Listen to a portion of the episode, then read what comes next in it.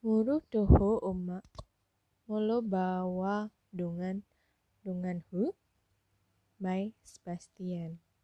Bahasa Batak yang artinya Mama marah nggak kalau pacarku cowok? Ups, aku belum cerita apa-apa ya soal pacar pacar baruku. Hehehe, sebenarnya main-main kok. Aku nggak serius sama cewek ini. Iya cewek, aku masih merasa diriku normal. Oke, terlepas dari apa kata tes sialan tempo hari itu, namanya Agnes. Dia adik kelasku waktu kuliah dulu, tapi aku lebih kenal dia sebagai salah satu anggota Kopma. Secara, aku dulu kan didengkot di sana. Aku ketemu dia baru-baru ini kok, pas nikahannya Franz. Setelah hampir tiga tahun gak ketemu, gak ketemu muka, harus kuakui, Agnes melewati evolusi menakjubkan hingga jadi secantik ini. Dia nggak lagi mempertahankan rambut panjangnya yang seingatku dulu hampir menyentuh pantat. Agnes terlihat sangat anggun dan modern dengan rambut sebahunya yang bonding. Nggak lupa juga paduan atasan berbahan broklat, biru laut, dan rok align berwarna senada yang kontras dengan kulit putihnya. Agnes bekerja di BCA sebagai customer service. Hmm, pantas, komentarku. Pantas kenapa, Mas? Ya pantas dong, suara kamu empuk gitu. Agnes tersipu. Sumpah, aku bisa mengingat dengan jelas kejadian tadi setiap detiknya. Wajahnya kaget, tidak dibuat-buat saat mendengar ucapanku. Lalu, segera kedua pipinya bersemburat pink menjalar ke daun telinga dan lehernya. Manis sekali. Kalau saja aku nggak lagi sakit ke, aku pasti bergairah melihatnya. Piring berganti piring. Setelah mencicipi makanan berat khas Jawa Tengahan, nggak heran, Franz kan cowok tenan. Aku membimbingnya ke meja yang penuh dengan makanan pencuci mulut. Sementara aku menyedokkan es sarang burung walet untuk Agnes, kami saling bertukar informasi tentang status kami masing-masing. Ah, bohong. Masa secantik kamu gak punya pacar? Gemes, dia tersipu-sipu lagi. Ah, mas bisa aja mujinya. Beneran mas, aku masih jomblo. Agnes lalu mengalihkan pembicaraan. Mas sendiri, ayo ngaku. Pacarnya disembunyiin di mana nih? Kok gak diajak kemari? Kalau ada Nes, pasti ku bawa. Aku menggeleng sedih. Acting tentu aja. Kalau ada, trik memancing rasa iba adalah dengan menggantung kalimat dan memasang tampang muram. Mata dibuat berkaca-kaca, memandang ke arah lain dengan tatapan menerawang.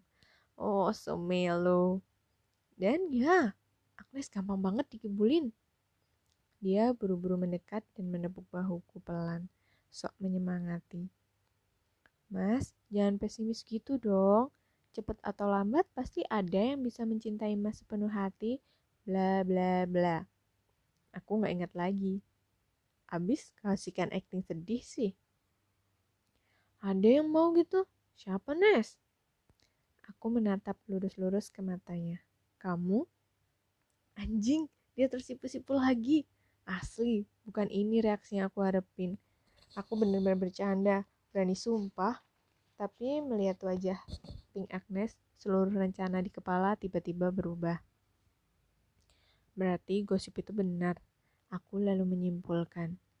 Jadi ya, dulu sempat muncul rumor ada anak kopma yang diam-diam naksir aku gitu. Gak tahu siapa, aku gak terlalu mau usil. Malah, aku menanggapinya dengan bercanda. Siapa cewek kilaf itu? Ternyata, oh ternyata, Agnes lah orangnya. Begitulah, kejadiannya cepat sekali. Sampai akhirnya aku memutuskan untuk melakukan PDKT ke Agnes. Sering telepon-teleponan, SMS kangen setiap malam. Dan sesekali aku mengajaknya makan di luar. Agnes bukan cewek yang banyak cincong. Dia sepertinya menikmati setiap momen yang kami habiskan bersama. Dua minggu kemudian, aku nembak Agnes. Dan diterima. Ih, lula pasti sirik berat. Apa? Cinta. Hmm, penting ya? Kalau aku janji akan perlakuannya dengan baik, bukannya itu udah cukup? Swear, aku nggak akan macem-macem. Aku nggak akan pernah memojokkannya begitu rupa hingga dia mau dianggur-anggur. Anggur-anggur adalah istilah norak yang kudapat dari teman kantorku. Maksudnya sih digrepe-grepe. Abis kalau dilafalin mirip bahasa Inggrisnya anggur sih. Grape. Parahnya lagi diajak ML. No, no, no. Aku mau pacaran yang biasa aja. Lagian, aku pacaran sama Agnes kan tujuannya bukan untuk gituan. Aku butuh dia untuk menyembuhin aku. Aku sakit gay, dan cuma Agnes satu-satunya harapanku. Oke, banyak memang yang menganggap wajar orang-orang gay. Mereka bilang, sah-sah aja hidup dengan preferensi seksual seperti itu. Tapi aku enggak. Lebih tepatnya, aku, mama, dan sebagian besar manusia di bumi Indonesia ini. Gay itu penyakit, gay itu dosa, Aku nggak mau mengambil resiko dikucilkan karena jadi gay. Lebih-lebih nggak mau lagi karena aku akan mengecewakan mama. Hanya aku yang dia punya. Cukup sudah suaminya yang suka ngomong kasar seenak udelnya itu membuatnya menangis setiap malam. Aku nggak mau jadi alasan mamaku menangis. Never, ever, forever. Karena itu, aku butuh obat. Aku harus mengembalikan diriku ke titik normal. Caranya, hidup seperti orang normal, pacaran dengan lawan jenis baca Agnes. Aku nggak nggak muluk-muluk kok. Aku akan respect sebesar dia menyayangi dan membantuku keluar dari neraka homoseksual ini. Tugasnya memang gak gampang tapi aku percaya kok dia bisa melakukannya. Untukku untuk kami berdua again me and my stupid plan case Aku pikir aku bisa memanfaatkan Agnes sebagai alat buat ngembaliin aku ke kodratku semula. Enggak, enggak sama sekali. Aku mah terlibat cinta terlarang sama cowok bernama Steve. Bodoh banget ya. Padahal aku udah yakin banget bakal berhasil. Aku malah ngerasa udah deket banget dengan gerbang heteroseksual. Aku hampir gak mikirin apa pun yang ada hubungannya dengan cowok dan elemennya, such as penis, Oh my god, should I explain this? Tapi sebelumnya biar aku ceritain dulu siapa biang keroknya.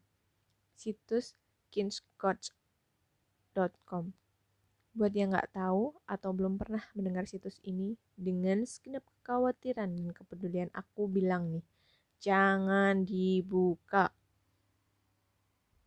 Apalagi kalau kamu cowok lagi ngalamin yang namanya sexual preference confused. Aduh, lebih dilarang lagi. Situs itu hot banget. Cowok-cowok hot bertopi koboi dan bercelana dalam rating plus plus plus plus. Eh, tapi sebelumnya aku ingetin ya, ini bukan situs porno.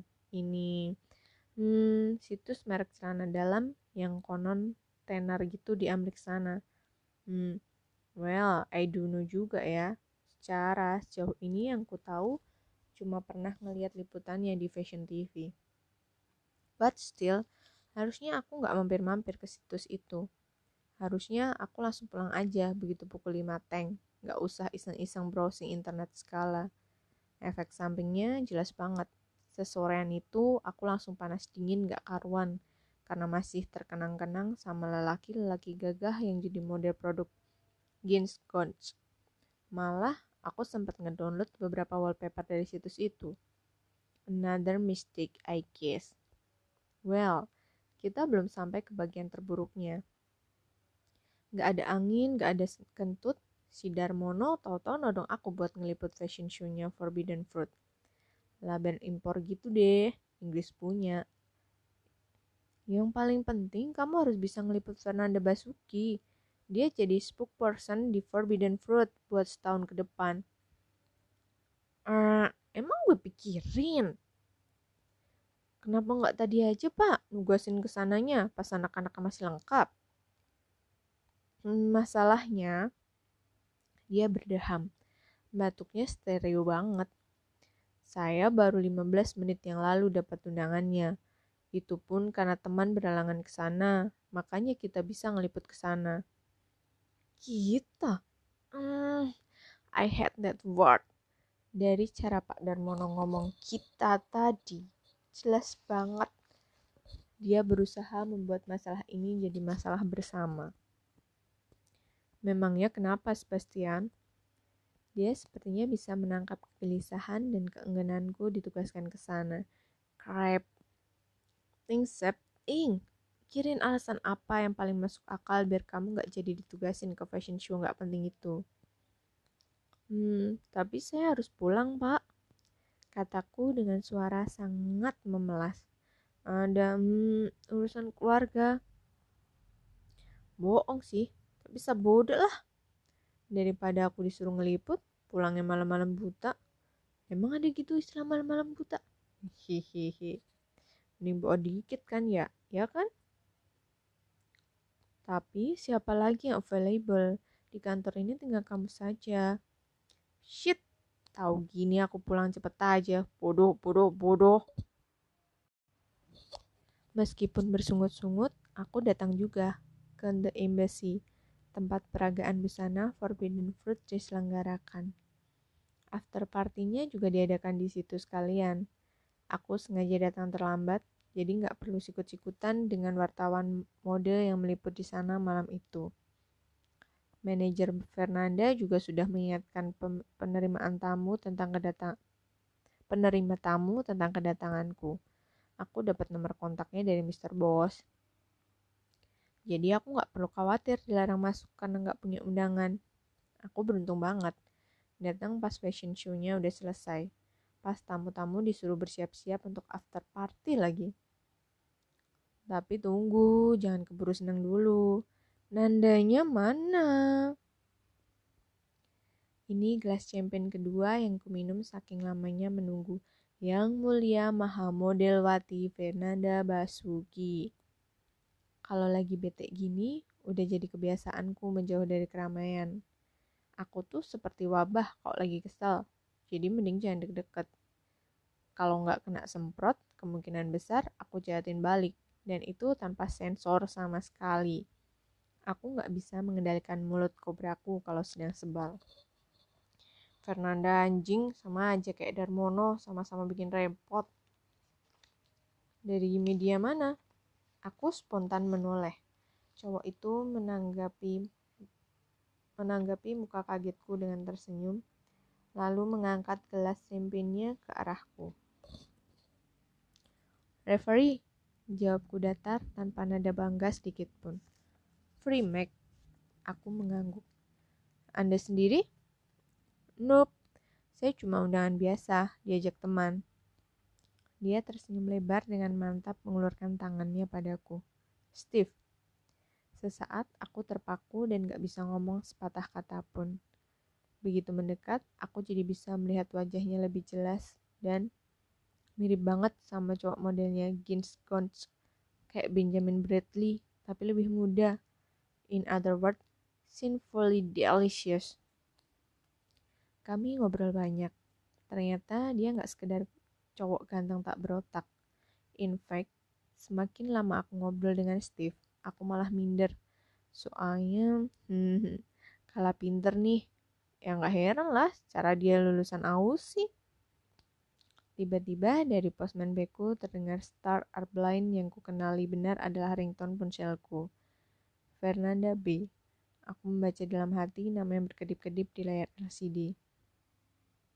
Halo mas, ini Nanda. Aduh maaf banget ya mas. Abis show Nanda langsung pulang. Gak enak badan nih mas. Besok aja ya mas interviewnya. Saya tunggu di apartemen jam 9. Enggak, jam 10 aja. Alamat saya di... Dia menyebutkan dengan lengkap alamat apartemennya di bilangan Rasuna. Oke mas, sekali lagi maaf ya udah bikin nunggu lama. Bilang kayak dari tadi. Umpatku yang tentu saja setelah mengakhiri pembicaraan. Dasar licik, dia gak ngasih aku kesempatan buat ngomong. Jangan kan ngomong, nafas saja gak sempet kali. Nyerocos aja gitu kayak keren bocor. Nyari siapa sih? Tanya Steve ingin tahu. Nanda, kataku, berusaha setenang mungkin. Padahal dalam hati pengen teriak, Nanda monyet ini terakhir kali gue mau nginterview model sep sepak kayak lo nggak jadi wawancara nih ceritanya Tanya Steve lagi. Dan memang benar, Nanda monyet tadi tanpa merasa bersalah menunda wawancara sampai besok pagi di rumahnya. Aku jadi mikir, apa besok di rumahnya aku juga bakalan disuruh nunggu sampai bongkrekan lagi. Aku mengangguk pasrah. Ya udah, mau aku juga mau langsung pulang nih, mau bareng. Untuk beberapa saat, kupandangi cowok itu dari ujung kepala sampai ujung kaki. Fedora head, jas krem Yuji Yamamoto, kemeja putih berbordir bunga-bunga di kiri kanan garis kancing, ikat pinggang Versace, medusanya main mata ke aku tadi, dan celana pipa hitam yang bisa kutebak pasti brand barang branded juga. Tiba-tiba aku teringat sesuatu. Jadi, begini ya, perasaan Hawa waktu digoda ular. Steve Oh man, he's a temptation. Hmm, kalau nggak keberatan sih. Dia tersenyum. I bet I won't. Tahu bagian terburuknya dosa. Kamu nggak akan cuma nggak cuma akan berdosa sekali, tapi berkali-kali. Terus-terusan seolah kamu tuh nggak ada bosan-bosannya berbuat dosa. Kenapa? Ya karena dosa itu selalu menarik dan menggiurkan. Kayak cheesecake di mata orang yang lagi diet. Kayak Delilah di mata Samson. Kayak Steve di mataku. Biar nggak bingung, biar kulanjutin dulu ya ceritanya. Jadi, baru aja keluar dari parkiran, mobil Steve langsung disambut hujan rintik-rintik. Lama-lama hujannya makin lebat, makin lebat, sampai-sampai yang kelihatan cuma cahaya mobil. Steve meminggirkan mobilnya gak jauh dari Alfamart atau Indomart. Sorry, habis hujan sih, jadi gak jelas yang mana sa yang mana satu. Mataku kurang awas kalau malam-malam. Aku mengangguk. Ya, terserah deh mobil-mobilnya ini. Ditemani iringan lembut lagu-lagu lawas dari radio, kami mengobrol banyak. Ya, hal-hal ringan macam film apa yang terakhir aku tonton. Dia nonton Blood Diamond. Aku nonton maraton serial Korea. Bukan sesuatu yang patut dibanggakan sebenarnya. Udah baca buku Mitch album yang Five People-nya itu. Ya udah, aku malah belum baca satupun karya Mitch album. Kesimpulan akhir, percakapan kami berakhir dengan naas saking gak nyambungnya. Sampai dia cerita tentang film layar lebarnya The Simpsons. Ternyata dia nungguin film itu banget, kayak aku juga. Mataku langsung berbinar-binar mendengar dia mengoleksi benda-benda yang ada di yang ada Bart Simpsonnya. Stiker, kaos, mug, you name it. Serius? Sampai boxer juga punya? Dia mengangguk. Ini aku lagi pakai salah satunya. Entah dorongan setan mana, refleks aku menundukkan kepala dan memandang lurus-lurus ke celananya. Steve ketawa. Dilihat kayak diliatin kayak apa pun gak bakal kelihatan kali. Uff, mukaku langsung panas jadi-jadinya. Aku terkekeh-kekeh garing untuk menyelamatkan muka. Kami mengobrol lagi, hening lagi. Kali ini lebih lama dari sebelumnya. Aku nggak punya bayangan apa-apa sampai tatapan kami borok dan deg-deg, deg-deg, deg-deg. Tiba-tiba aku menggigil. Jelas banget, bukan karena AC. Aku balas menatapnya dengan intensitas yang sama sambil menunggu. Menunggu apa? Aku nggak tahu. Steve memajukan tubuhnya ke arahku, mendekat, makin mendekat, mengingatkanku pada detik-detik mendebarkan di film-film romantis Audrey Hepburn. Ini bukan film, dan aku juga bukan Audrey. Tapi cuman Steve membuatku sesaat merasa seperti itu. Iya, cuman yang memabukkan itu. Aku seperti bisa mendengar lagu-lagu Christian Bautista di belakang kami. Ini gila, bener-bener gila. Baru kali ini aku ngerasain apa yang rasanya cuman lengket, basah, dan ada rasa liquirnya dari minuman Steph di embassy tadi barangkali.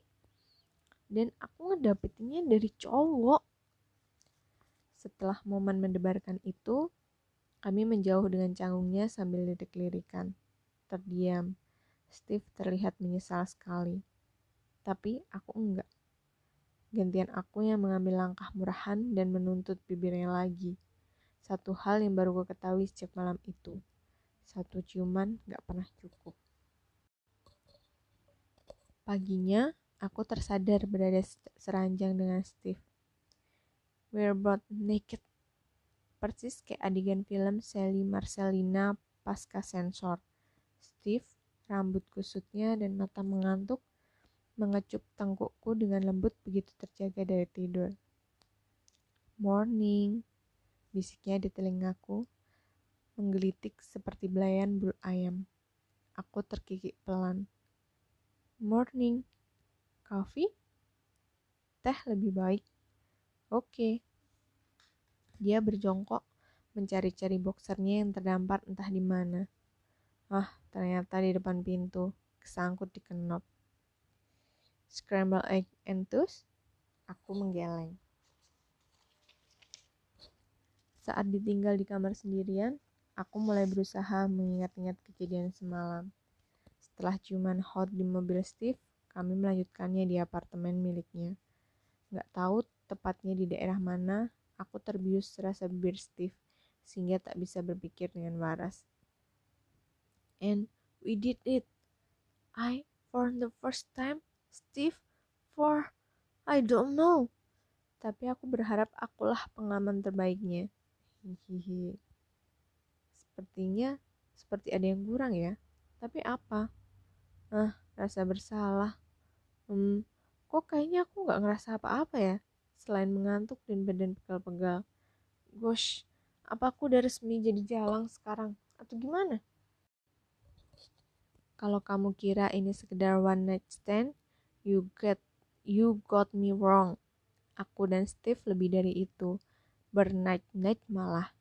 Sebelum aku bisa mencegah diriku terhanyut lebih dalam kesesatan ini, aku menggiring diriku ke kesimpulan hal yang lebih aneh lagi.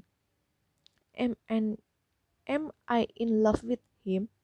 Am I? Kalau sampai aku beneran in love nih sama dia, kayaknya bakal susah deh buat berbalik dari situasi ini. Plus, aku baru sadar aku kecanduan ciumannya. Dahsyat banget soalnya. Rasanya kayak makanan eksotik. Manis, tapi di saat lain rasanya rada spicy di lidah. Kalau aku berduaan saja dengan dia, hmm, pasti deh langsung ciuman. Bisa ditebak efek sampingnya. Besok paginya bibirku bengkak kayak abis disosor buaya. Berhubung, hmm, sakit-sakit enak, jadi nggak apa-apa. God forgive me. Ternyata susah ya hidup lurus sesuai aturan mainmu. Beberapa belas hari kemudian saat membuka sebelah mata dengan susah payah tentunya aku baru menyadari kalau aku nggak berada di kamarku sendiri. Koreksi ini bahkan terlalu mahal untuk disamakan dengan kontrakan renik yang kusewa 500 ribu sebulan. Ruangannya dilapisi wallpaper sophisticated warna kuning pastel. Bandingkan dengan kontrakanku yang dilabur kapur putih doang, itu pun udah syukur. Karena si pemilik kontrakan sempat tigaan ngebiarin lukisan pensil warna mahakarya anak dari keluarga yang ngontrak sebelum aku.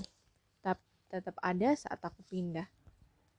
Furnitur berkelas, tebakanku sih belinya di Da Vinci gitu.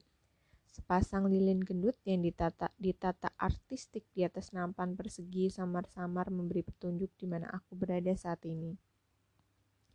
Telingaku mendengar erangan serak dan, dan dalam dari balik selimut.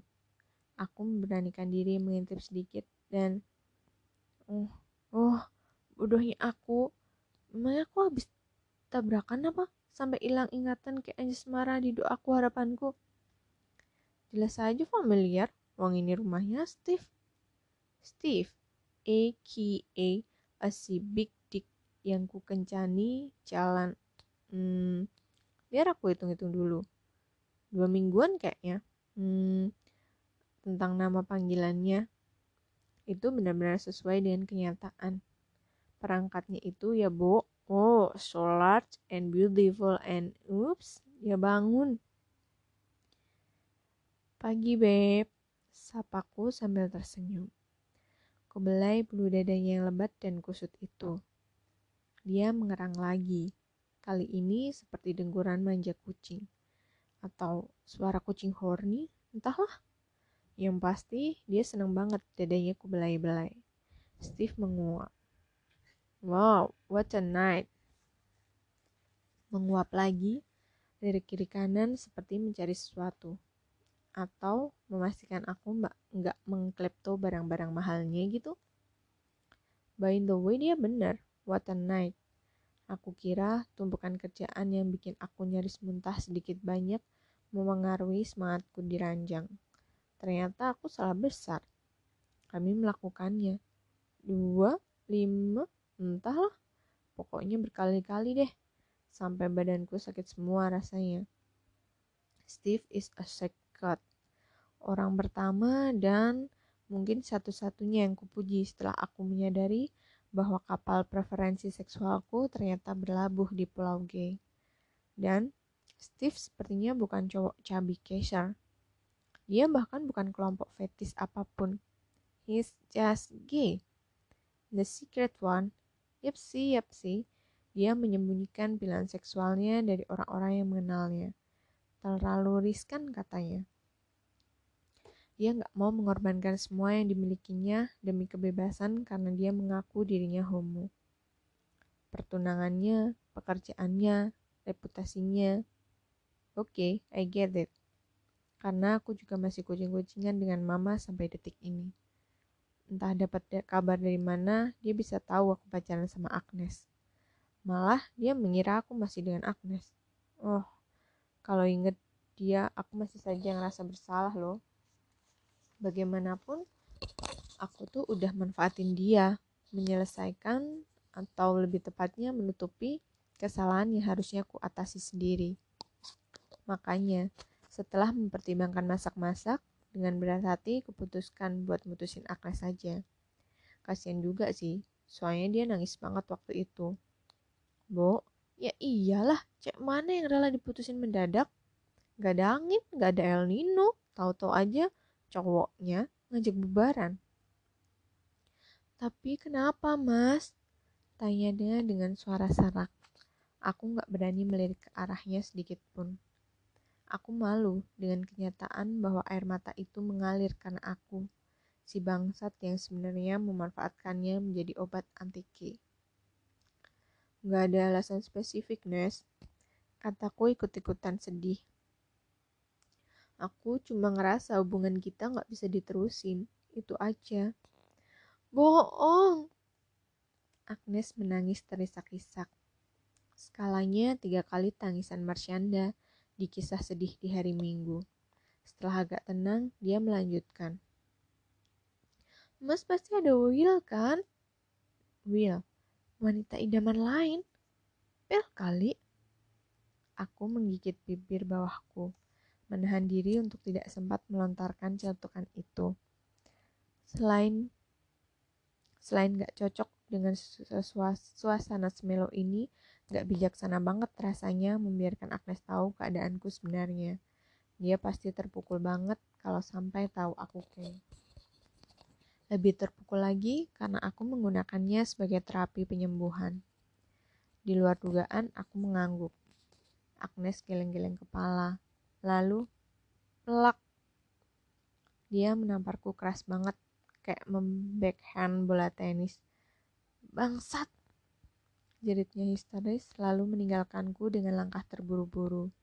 Semua orang beralih menatapku. Aku bilang enggak. Aku mutusin dia di suatu Aku bilang enggak.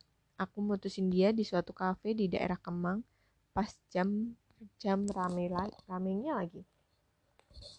Terang saja, adegan sinetron banget itu mengundang perhatian mata-mata di sekitar mejaku. Ah, malu banget pokoknya kalau inget kejadian itu. Sejak itu hubunganku dengan Agnes berakhir, juga kontak dengannya. Entah dia ganti nomor atau mereject teleponku setiap kali aku menghubungi HP-nya, pokoknya aku lost kontak aja. Tapi kesedihanku gak lama, karena setelah itu aku bertemu Steve. Dan aku seketika merasa seperti orang paling bahagia di muka bumi. Ngomong-ngomong soal Steve, harus kuakui kami memang gak ada komitmen buat jadian. Jalan oke, okay. seks oke, okay. tapi hubungan eksklusif yang layak dikasih label pacaran kayaknya masih jauh deh. Steve terlalu easy going dan kayaknya hal seperti itu justru annoying buat dia. Dia malah pernah bilang, Shep, kalau lo mau punya partner selain gue, silahkan aja. Gue gak akan ngelarang. Gue cuma minta lo jaga diri aja. Pakai kondom setiap kali berhubungan. Sisanya, I don't give a damn. It's your life anyway. Tapi aku gak pernah melakukannya. Terpikir juga enggak. I don't know. Kayaknya aku udah masuk ke fase stuck on him gitu. Gak bisa berpaling ke lain hati. Terlanjur sayang, kira-kira begitulah mengutip istilah Mbak Memes. Dan aku lega banget waktu tahu ternyata dia memilih bermonogami denganku. Padahal aku tahu cowok beraset oke, okay, good looking, rich, and has an enormous property. God, I adore it very much. Kayak Steve punya kesempatan buat jadi homo jalang dan bercinta dengan siapa pun yang dia mau tapi dia memilih tetap setia padaku. Oke, itu memang bukan gambaranku tentang komitmen, tapi paling nggak ada tanda-tanda ke situnya kan? Awas kalau nggak jawab iya. Dua minggu kemudian, entah kenapa dia memilih hari itu. Nggak ada spesial terjadi di hari itu. 12 Maret. Hari besar apa coba? Belakangan pas aku ngecek di buku pintar senior, ternyata bertepatan dengan hari kemerdekaan Mauritius. Reaksiku, like I care. Back to that day. Steve datang ke rumah malam-malam. Setengah tujuan kalau nggak salah. Aku lagi mengganyang indomie kari ayam pakai telur. Makan malam orang susah. Sambil menonton kelanjutan serial Intan. Saat itulah aku mendengar suara ketukan mesra. Bagian mesranya bohong tentu aja as you know aku kan hiperbolawan banget aku nggak ada firasat apa-apa perasaan gak nunggu tamu siapa pun deh aku bangkit dari sofa lik nambah buku dan menyambut si tamu tak diundang. Dan eng ing eng oh, oh siapa dia? Steve. Oh my god lo ngapain kemari? Steve tersenyum. Aku udah bilang belum? Bagian yang paling kusuka setelah perangkat XXL-nya adalah senyuman Steve seben sebenderang lampu Philips 200 watt. Aku masih bisa mengingat pakaian Steve malam itu. Setelan jas garis-garis kayak mafioso, daleman kemeja merah marun, dan dasi hitam dari bahan satin. Logo EA Emporio Armani yang dibordir di dasi udah cukup jadi petunjuk seberapa mahalnya barang itu. Tepat setelah aku menutup pintu, Steve langsung menyambarku dengan ciuman. Heran, jangan-jangan pintuku punya efek mislead tuh gitu. Jadi siapa pun yang ada di depan pintu wajib menciumku. Wah, wah, wah. Gawat nih kalau aku nerima tamu. Misalnya Pak RT atau tukang listrik bisa dibakar warga nih. Cukup deh UUT-nya. Anyway, setelah menciumku dengan sangat antusias, Steve cerita kenapa dia bisa sesenang itu. Ya ampun, he's coming out, katanya. Akhirnya dia mengikuti nasihatku. Me and my big mau ingetin aku buat ngejahit mulut goblok ini biar nggak banyak bacot. Dan berterus terang pada orang tuanya. Di luar dugaan, meskipun jelas sekali mama yang terlihat kecewa, mereka senang dan keterus-terangan Steve. Jadi ya Sep, rupanya nyokap gue itu udah lama dapet firasat gue gak suka cewek. Cuma ya gitu, dia mikir positif aja. Palingan itu pikiran jeleknya aja. Ya standar self denialnya ibu-ibu. Steve duduk di karpet bersamaku melingkarkan tangannya di bahu, sementara tangan sebelahnya lagi berusaha melonggarkan belitan dasi di kerah baju.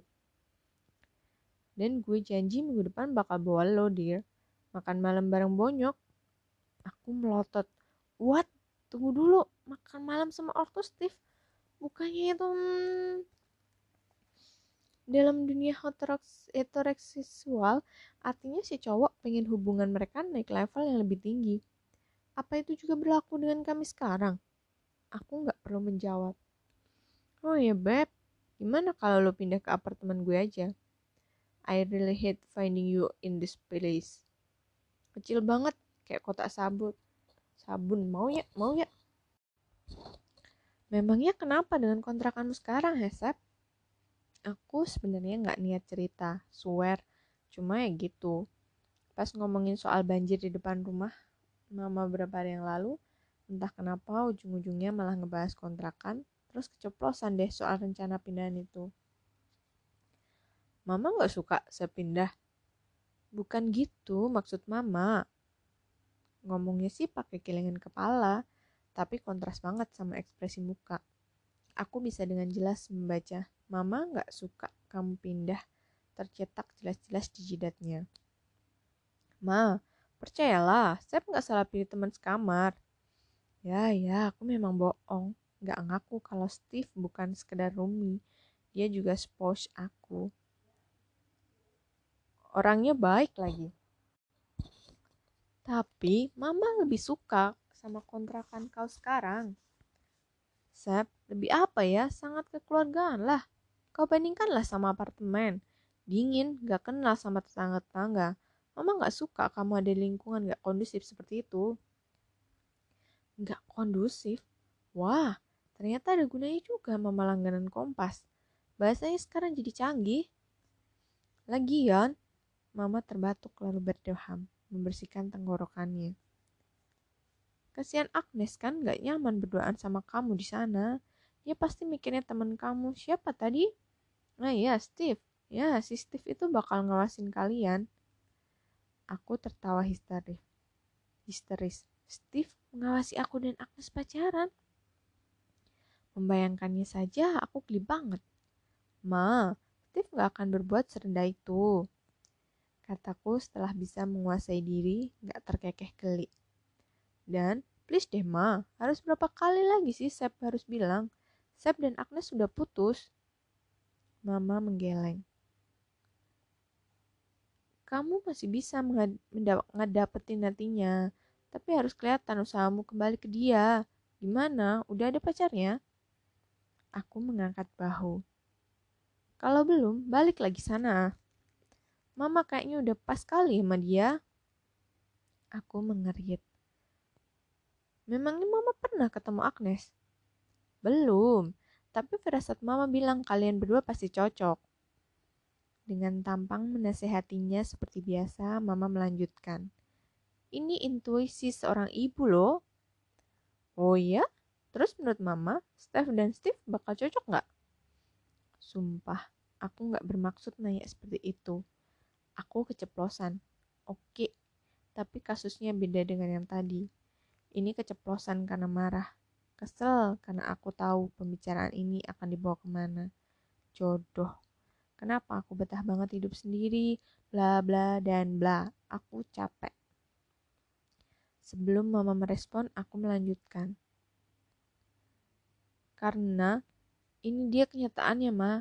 Sep, Guy, dan Steve itu pacar Sep. Jder. Kurasa kalau di sinetron bakal dikasih efek kilat menyambar-nyambar sinting. Aku memang sinting. Bisa-bisanya aku coming out di tengah pertengkaran begini. Tanpa persiapan tanpa melatih pidato panjang dulu di rumah semua terlontar gitu aja. Aku gay. Terang saja mama memandangku seperti melihat objek aneh. Setelah jeda panjang yang gak enak mama akhirnya angkat bicara. Kamu yakin? Aku mengangguk Sep, minggu besok kamu gereja di sini ya. Kamu perlu ketemu pendeta Saragi. Aku mengerit. Maksud mama? Sep, kamu sakit. Ceder. Ma, Sep gak sakit. Kataku dengan bibir bergetar, menahan emosi yang sedang dalam perjalanan menuju ubun-ubun. Sep mohon, Sep aja masih sulit menerima keadaan ini. Jadi, please, jangan mempersulit Sep. Kamu harus bicara sama pendeta kita. Mama berkata lirih dengan suara merayu yang biasa dilakukan saat membujukku makan obat waktu kecil dulu. Pendeta Saragih bisa membantu kamu keluar dari pikiran pendosa ini. Kamu harus sembuh, Sep. Demi Mama. Aku tertawa sinis. Ma, sekali lagi saya bilang, Sep gak sakit. Tanpa terasa air mataku keluar. For God's sake, Ma. Masalahnya bukan terletak di aku yang gay atau enggak. Selama ini aku selalu menjadi anak yang baik demi mama. Demi papa. Meskipun sampai dia mati pun dia gak pernah mensyukuri memperanakan aku. Tapi sampai kapan mama menyuruhku berpura-pura? Apa aku gak bisa punya kesempatan menjadi diriku sendiri sekali aja? Mama malah menertawakanku. Kamu nangisin apa, ha? Udah S1, udah kerja, tapi bego. Ya, Ma, aku memang gay, lahir batin. Dan suka atau gak suka, itulah kenyataan sebenarnya. Aku gak peduli lagi. Aku menarik tali ransel yang kutaruh di sofa dekat pintu, lalu pergi. Cukup sudah. Aku capek menjadi sep yang munafik. Ini kali terakhir aku mau berurusan dengan kulit kebohongan yang aku pakai selama 23 tahun hidupku.